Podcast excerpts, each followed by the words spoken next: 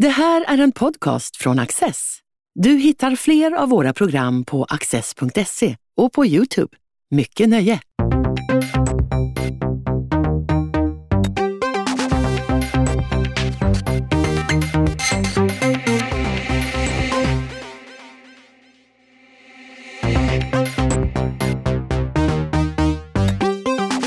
Anders Jonsson har skrivit en biografi om den kraftfulla och modiga Anna Whitlock. 80-talsradikalismens människor var hennes sociala liv. Deras udd var riktad mot konservativa bastioner och inte minst Svenska kyrkan. Trots denna kritik mot etablissemanget lyckades hon starta en samskola där både pojkar och flickor lärde sig syslöjd, träslöjd, laga mat och fick en religionsundervisning som var objektiv.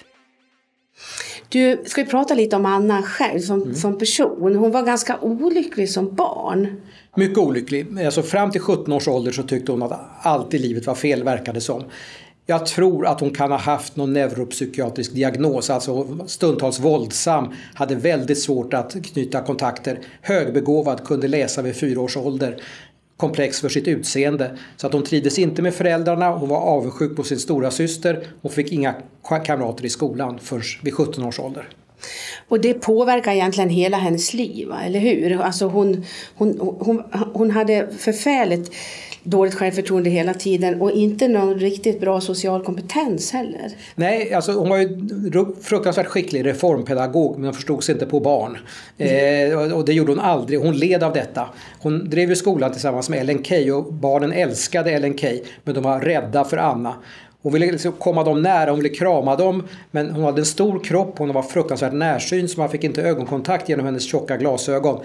Eh, och hon liksom kunde inte sätta gränserna för, för sitt kontaktbehov så att, så att barnen var rädda för henne och hon led av det. Hon hade också svårt med vuxna. Eh, framförallt som ung och innan, innan hon blev riktigt gammal så, så fick hon ibland ilskna utbrott. Men hon lärde sig behärska detta och blev lustigt nog på slutet av sitt liv, eller från 50-årsåldern kanske, en medlare i rösträttsrörelsen där hon kunde eh, jämka olika ståndpunkter. Så hon blev faktiskt en medlare och upp, intellektuellt förstod hon sig på människor med olika uppfattningar men känslomässigt kunde hon inte hantera människor som, eh, som hade mer känslomässiga konflikter. Man skulle kunna kalla henne för en social entreprenör, eller hur? Ja. Och det är lite märkligt med tanke på hennes personlighet. Just det.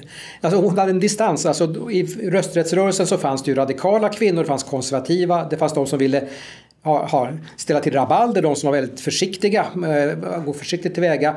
Och hon kunde medla, men det var ju så att eh, det var ju intellektuella frågeställningar, hur ska man agera? Och det förstod hon. Hon hade självdistans, alltså hon hade ju humor, hon tyckte om att man skojade om henne.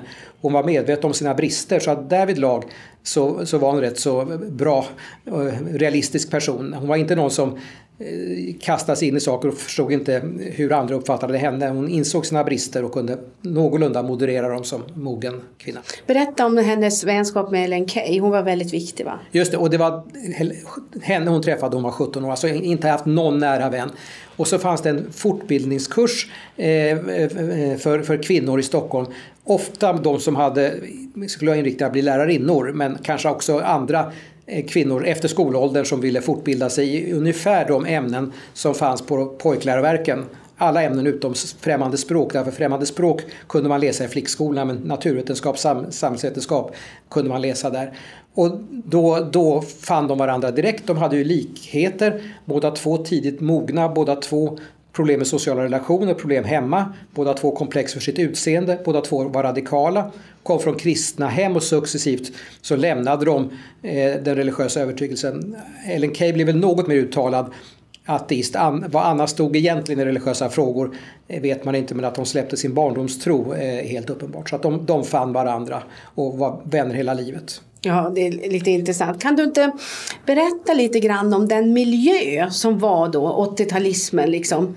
Ja, alltså hon, hon, hennes hem, Anna Wittrocks hem var ju ortodoxt lutheransk, alltså gammalkyrklig miljö. Eh, men hon, man ser på hennes ungdom innan hon sen startar sin skola 1878 så kommer hon i olika miljöer och successivt så får hon nya religiösa impulser.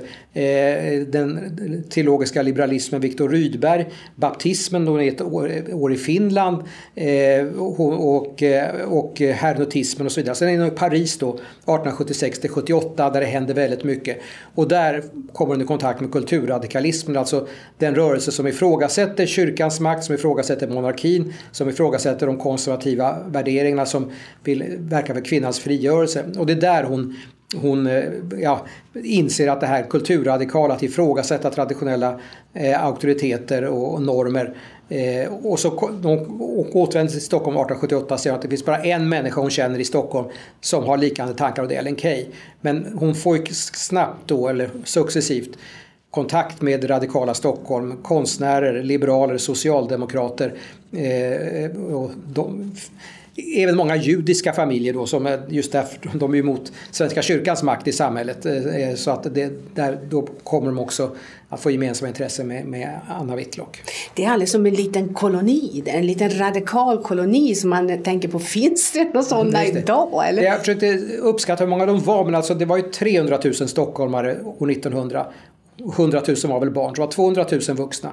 Och säg att, att medelklassen kanske var 50 000 personer och en, den, de, den radikala medelklassen 10-20 000 eh, vuxna personer. Och Anna Whitlock då som var nätverksbyggare, var med i massor av föreningar och som var skolledare i en, i en privatskola som behövde ragga elever. Hon kunde knyta kontakter med föräldrar så att jag tror knappast att det fanns någon i Stockholm som hade personlig kontakt med så många i den radikala medelklassen i Stockholm just i kombination av att skolledare och föreningsaktiv som Anna var. Nej, alla, alla kända namn nästan möter man i din just bok, alltså från den tiden. Karl Staff, Hjalmar Branting, ja. Carl Larsson, Richard Berg. Ja. Eh, så, så, och också många konstnärer som tyckte om hennes progressiva skola. Eh, Carl Larsson är intressant därför att han var ju konservativ som vuxen men hade ändå en nära vänskapsrelation med Anna Whitlock för han tyckte hon var så det var bättre att ha en radikal kulturellt medveten skola än en konservativ eh, auktoritär skola mm. för hans barn. Men redan från hon var liten så ville hon ju bli lärarinna. Hur fick hon sina idéer? Hur, vad är det som formade henne att bilda skola så, så småningom? Det där är jätteintressant därför hon skriver ingenting om det. Alltså hon åberopar inte någon, någon särskild pedagogisk auktoritet eller någon förebild. Ja, det enda vi vet det är, det är den danska folkhögskolan och Grundtvig. Där, där hon besökte ett par eh, folkhögskolor under en sommar som ung och det var ju många eh, radikala pedagoger i Skandinavien som, som hade den inspirationen. Men annars så skriver hon ingenting om några teorier. Hon skriver själv inte heller någonting om pedagogiska teorier utan hon är praktiker, sätter igång en massa saker eh, och provar. Eh, och jag är själv inte pedagog eller skolhistoriker och det kanske är bra därför jag tror att en, en som kan allt om alla gamla teorier skulle pressa in henne i något visst teoretiskt fack. Men jag tror, och det finns de som säger det, som kände henne att hon var inte intresserad av pedagogiska teorier. Hon ville prova det här med samundervisning mellan pojkar och flickor alla typer av slöjd både för pojkar och flickor. Ja. Praktiska laborativa inslag i biologin, studiebesök, eh, sexualundervisning var kanske först i Sverige, i alla fall en av de allra första. Och riktigt var de fick inspirationen annat än allmänt i den radikala rörelsen, det vet vi faktiskt inte. Och religionen fick en särskild roll också. Det var det viktigaste. De startade 1878 i mycket liten skala med, sju, flickskolan. Flickskola, just det, sju flickor. Eh, då hade hon fått inspiration i, säkert, hon var ju, reste i, i två år i, på kontinenten, Schweiz, Italien, Frankrike där hon stannade längst. Och hon skrev ju en Verdandi-skrift några år senare om hur religionens ställning i olika länder och där är hennes bild att att Norden är sist, alltså där är, där är den statskyrkan fortfarande som formar skolundervisningen och den är obligatorisk om man inte till exempel tillhör mosaiska församlingen så är den obligatorisk för alla. Eh, och de startade den här konfessionslösa skolan 1878, alltså man skulle inte driva någon religionsundervisning alls. Eh, och då trodde hon lite naivt att då skulle alla de i Stockholm som delade hennes uppfattning om att Svenska kyrkan hade för stor makt skulle sätta sina barn där men det var lite väl radikalt så att det var lite trögt i början. Sen fick hon införa religionsundervisning därför att det krävde föräldrar men det var helt neutral. Och detta är alltså 90 år innan offentliga skolan. Det är först på 1960-talet som det allmänna skolväsendet blir neutralt i religiösa frågor. Då man byter från kristendomskunskap till religionskunskap och Kristdemokraterna bildas som protest mot detta. Men alltså hon var då i flera decennier nästan ensam i Sverige eh, att skolan skulle vara neutral. Hon hade inget emot att föräldrarna undervisade sina barn i kristendom eller judendom eller vad det nu var. Men skolan skulle inte trycka på föräldrarna, eh, trycka på barnen någon viss religiös uppfattning. Alltså det är egentligen helt enormt ja. när man tänker på det samhälle som var då och de, mm. de krav som fanns på religionen. Och dessutom då, hon hade sju elever på, på första skolan. Alltså hur, hur fick, hur, var det genom sitt nätverk hon fick dem? Alltså hur, ja. hur, kunde hon finansiera det? Ja, alltså, det där finns inte något dokument men jag fick ju kontakt med ett barnbarn till en utav, den enda som jag har kunnat identifiera säkert till namn.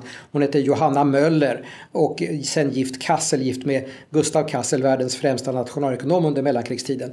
Eh, och ett barnbarn till, till Johanna och Gustav fick jag kontakt med och de, de hade lite material. Så det är det enda som jag säkert vet eh, tillhörde Sjustjärnan som den här första gruppen kallades.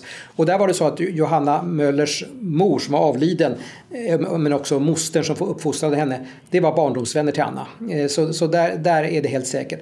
Sen har jag ett par andra eh, namn på flickor som kan ha varit med från början eller kom in år två eller år tre. Även där finns det en del eh, vän, vänskapsband och det finns också Adolf Nordenskjöld, polarfararen. Eh, han var ju dels liberal och dels eh, landsflykt från Finland och Anna Whitlocks eh, morfar kom från Finland. Så att Nordenskjöld kan hon ha träffat antingen i liberala kretsar eller i de finska exilkretsarna så att säga, i Stockholm. Det vet jag inte säkert. Det var en judisk familj, eh, attraherad från konfessionslösheten. Det var en som var kopplad till, som var dotter till en norsk ambassadör i Stockholm, en norsk sändebud. Och Anna hade mycket kontakter med Norge så man kan gissa att hon... Eh, men, men det enda vet säkert var alltså en, en dotter till en barndomsvän. Och det måste ha varit så hon började. Det fanns en, någon enstaka annons alls när hon startade skolan men jag skulle tro att hon gick eh, hon var utomlands i två år så hon hade ju inte kunnat förbereda sig särskilt mycket med att rekrytera elever utan hon gick nog på vänner och vänners vänner. Visst var det så att hon, hon stärkte flickorna också? De fick ju lära sig och prata inför mm. folk. De fick göra massor med saker. Och om jag minns rätt så den här danska folkskolorna, visst mm. var det väldigt mycket att man samtalade, pratade med eleverna. De behövde inte sitta och plugga mm. in allting mm. utan till. Det är levande ord som, som ja. vi talade om. Och det, så att i hela Hvitlockska skolan så blev det att tala, framträda, spela teater, att uppträda. Inga tidblad är en av eleverna så det var ett rätt lyckat exempel på på teaterkunskap. Men också väldigt tidigt, på 1880-talet så startade hon en diskussionsklubb. Det var efter skoltid för säkerhets skull men där var då ett antal flickor medlemmar och eh, Anna Whitlock och Ellen Key och då kallades de inte tant Anna och tant Ellen utan de kallades fröken Whitlock och fröken Key.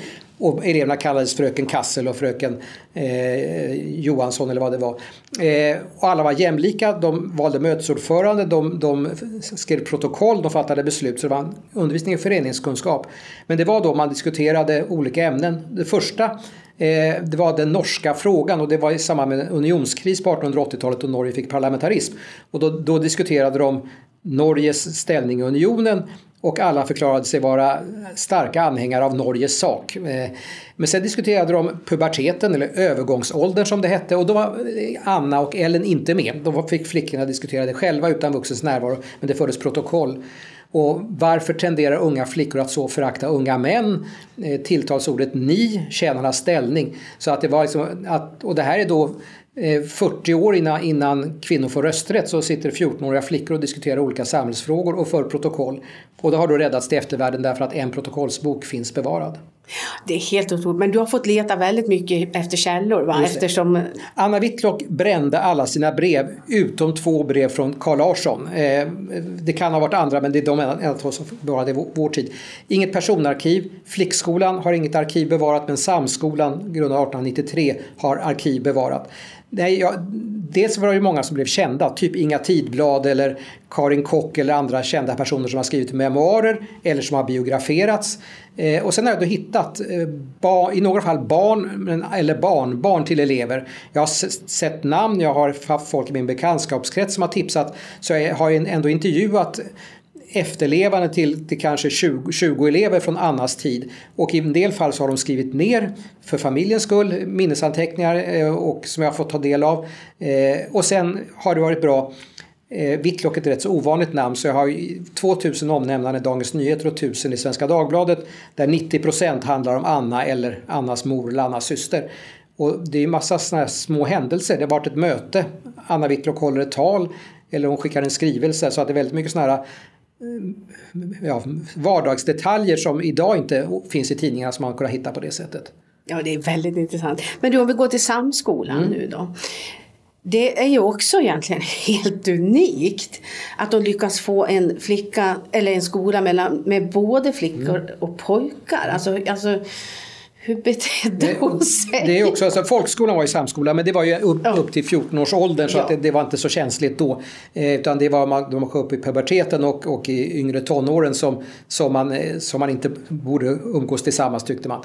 Eh, det fanns, den första samskolan var Palmgrenska eh, som, som startades i Stockholm men som inte alls var radikal. Och sen fanns det ett par andra samskolor som var radikala i, i jämställdhetsfrågor och pedagogiska frågor men politiskt inte radikala. Så det unika med hennes skola var pojkar och flickor tillsammans och en allmän radikalitet. Och det här med att pojkar hade syslöjd och flickor hade träslöjd och pojkar hade hemkunskap.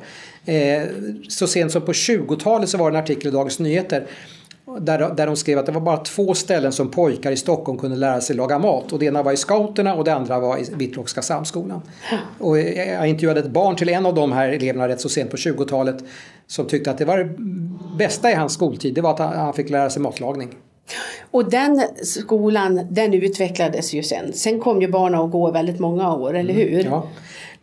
Man, man gick, det var ju både en, en, det var en förskola, en förskoleklass, ett, ett års eh, förskoleklass och det var grund, ja, folkskola och gymnasium. Men undervisningens gång i Whitlock var ett år längre än, än om man gick hela programmet i Whitlock så hade man gått i skolan ett år längre än i den allmänna skolan därför att hon ville ha mycket mer övningsämnen till exempel eh, och eh, mera gedigna kunskaper så att det, man la på ett år så att man fick mer undervisningstid. Men det, och framförallt var det övningsämnessidan snarare än den teoretiska sidan som var det som volymmässigt. Och sen kan man säga då jämfört med folkskolan den var, det var en enormt dominerande kristendom. Alltså det var ju, I folkskolan skulle man lära sig läsa, skriva och katekesen utan till. Så de startade flickskolan och tog bort eller kraftigt reducerade religionsundervisningen så frigjordes det massor av tid bara där. Du, jag tänker på ändå att alltså med tanke på hon var ju väldigt engagerad i rösträttsfrågan också och det var ju inte heller helt enkelt på den tiden. Och jag, liksom, det var ju en tid när socialdemokrater sattes i fängelse för att de hade fel åsikter ja. och ändå så hon lyckas. Faktum var att en, en, en av föräldrarna till en flicka i skolan hamnade i fängelse, nämligen Hjalmar Branting. Eh, som hade sin, egentligen var det Anna Brantings dotter, så han, han var styr, eh, styrpappa till henne.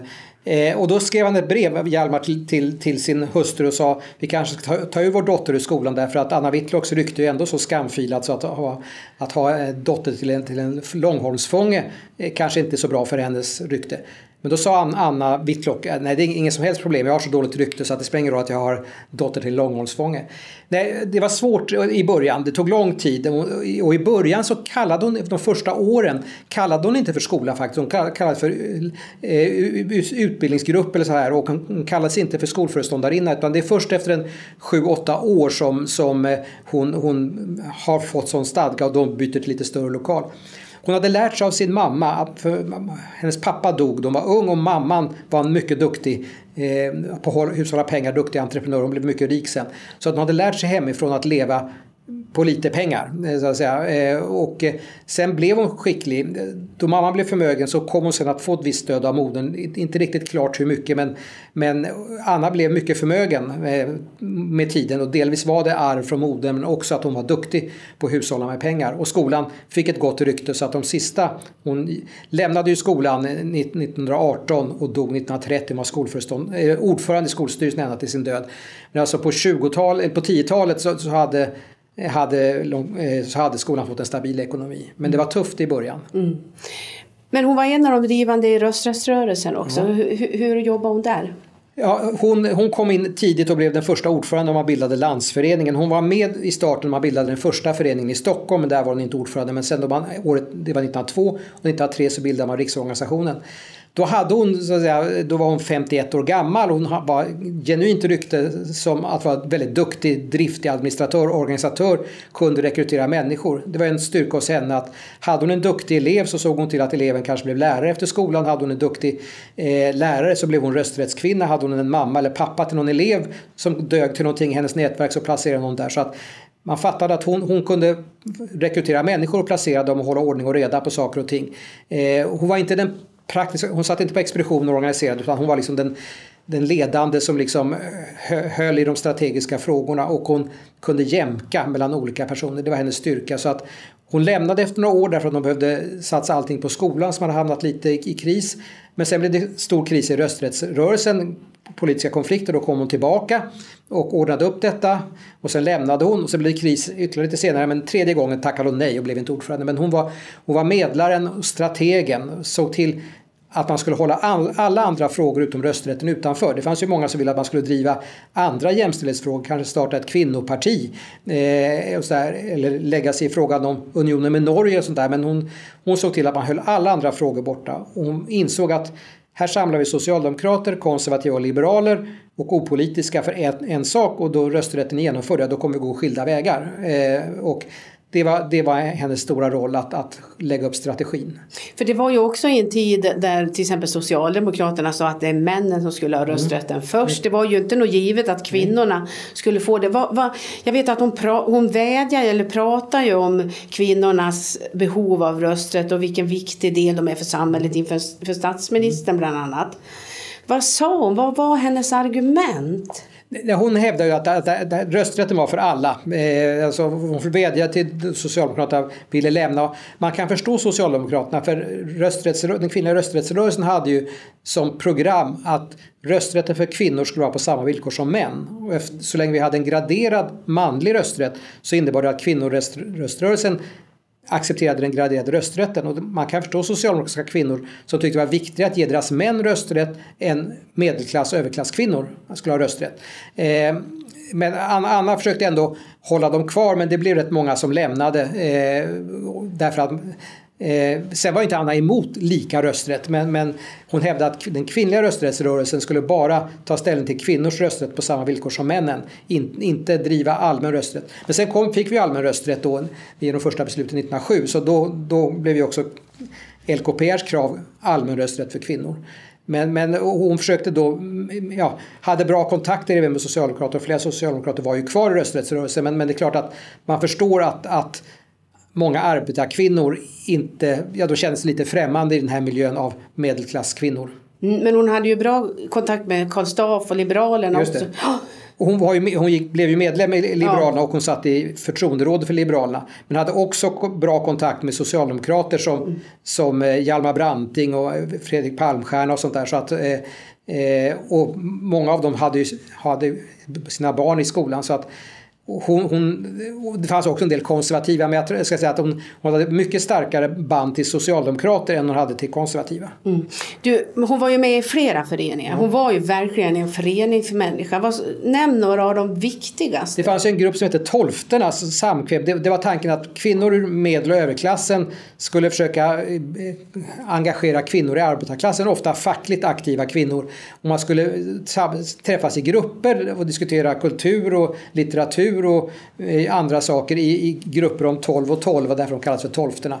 Där var hon med. Nya Idun som var en eh, Idun hade skapats för, för män, eh, och så bildade man nya Idun för, för bildade kvinnor och där var hon aktiv.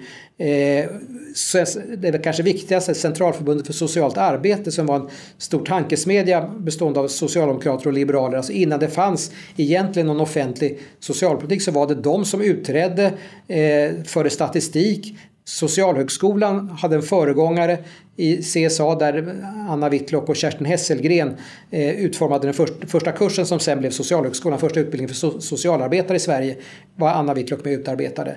Hon var föreläsare på Stockholms arbetarinstitut så att eh, väldigt många eh, såna här föreningar och aktiviteter i Stockholm decennierna kring sekelskiftet 1900 var hon, var hon aktiv. Ofta ordförande eller vice ordförande. Och in, den, var hon inte aktiv i en konsumentförening? Ja, det, det, just det är den mest kända. Alltså, Ja. Anna Whitlock är ju förebilden till Dagmar Friman i Fröken Frimans krig. Även om Fröken Friman inte är dokumentär så att Anna Whitlocks liv skiljer sig från Dagmar Friman i tv-serien. Men Anna Whitlock tog initiativ till konsument, det kvinnliga konsumentkooperativet Svenska Hem som ju blev det största konsumentkooperativet i Stockholm. Hon var initiativtagare och ordförande i början men hon stod, ja, hon stod invigningsdagen, då fick alla i styrelsen stå bakom disken. Men de stod ju inte bakom disk annat än just den här första dagen. Eh, eh, och sen lämnade de styrelsen men höll sin vakande hand över den hela, hela tiden fram tills den lades ner. Eh, men men det, det var en viktig insats. Och det hade hon varit i England och inspirerats av kooperationen där och noterade att även i England och i Sverige så var det bara män som styrde kooperationen trots att det var kvinnorna som var experter på mat och matlagning. Typiskt. Ja, så, att- så att då såg hon till. Och både i rösträttsrörelsen och i Svenska Hem så var det en debatt. Skulle man låta män vara medlemmar? Eh, och hon drev linjen att de inte skulle vara med. Och det var inte därför hon inte tyckte om män utan hon insåg att männen var bättre utbildade, hade en starkare ställning i samhället. Om de får vara med i de här organisationerna då kommer man att välja dem till ordförande och ledare. Så var det Fredrika Bremerförbundet under de första 20 åren att det var en man som ordförande i Fredrika Bremerförbundet. Och hon ville att kvinnorna genom sina organisationer skulle visa att de kunde leda. Och då skulle de inte behöva konkurrera med männen i organisationen. Så, så därför var de renodlat kvinnoorganisation. Men hon var alls icke negativ till män. Hon tyck, en, en en som har skrivit om henne sa att hon tyckte mer om att diskutera med män än med kvinnor. Därför kvinnor hade, männen hade bättre utbildning och ofta vidare erfarenheter tack vare diskriminering i samhället. Så att det var roligare att diskutera med, med kloka, eh, välutbildade män än, än med många kvinnor. Så att hon trivdes i blandade sällskap. Men föreningarna för kvinnors rätt skulle drivas av kvinnor. Du vet att hon har så många liksom, samröre. Alva Myrdal måste ha gillat Anna Whitlock. ja. Mm. För hon har tagit mycket av hennes idéer. Du, vad ska jag säga, på ålderdomen då? Liksom, Mm. när, när hon, var, hon var det här sociala nätverket, 80-talisterna. Hur, hur, hur mådde hon då? Hur kände hon då? Hon hade nog en, hon hade en lycklig ålderdom. Alltså hon gick i pension då eh, 1918, lämnade skolan men var kvar som, som skolstiftelsens ordförande. Hon har ett väldigt vackert uttryck att hon, då hon nu slapp det dagliga, schemaläggning och kontroll och allt det praktiska och ha- hela hennes liv hade varit inrutat i lektionstider. Så slapp hon modersbekymren och fick bara, bara eh, njuta av eh, mo, moders eh, trevnaden, alltså hon kunde liksom ta ett litet steg tillbaka men hon styrde ju skolan ända till sin död 1930. Eh, makten flyttade från skolledaren till skol, sk- skolstiftelsens styrelse där hon satt tillsammans med sin fosterdotter och eh, sin svär- svärson tillsammans med skolföreståndarinnan. Så att hon, och hon har trivts rätt bra, hon blev lite sjuklig de sista åren men, men hon hade tagit, hon var aldrig gift, hade inga egna barn men hade en fosterdotter Ja. som gifte sig och som fick barn och hon hade en väldigt nära relation till de äldsta barnbarnen då. Och, och, ja, var, var nog, hade nog lycklig ålderdom och var välbeställd ekonomiskt. Det, det gick ingen nöd på henne.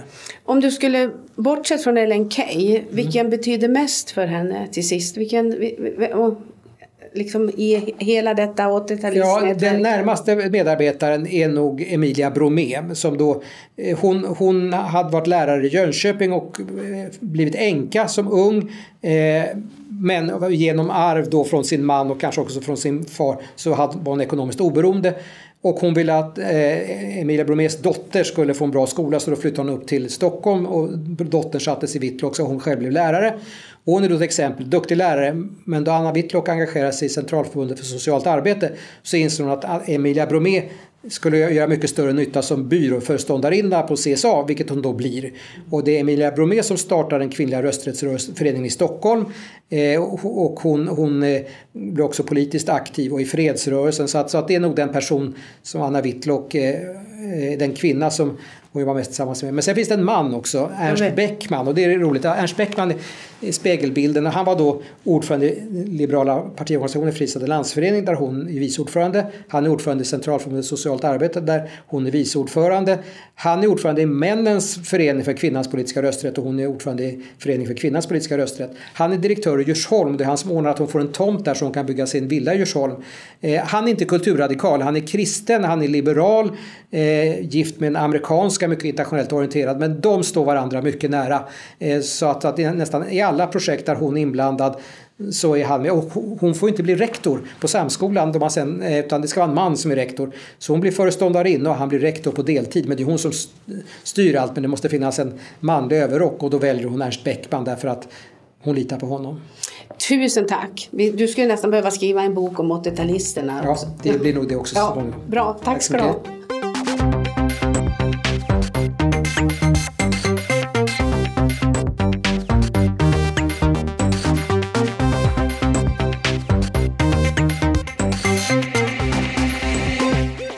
Du har just lyssnat på en podcast från Access.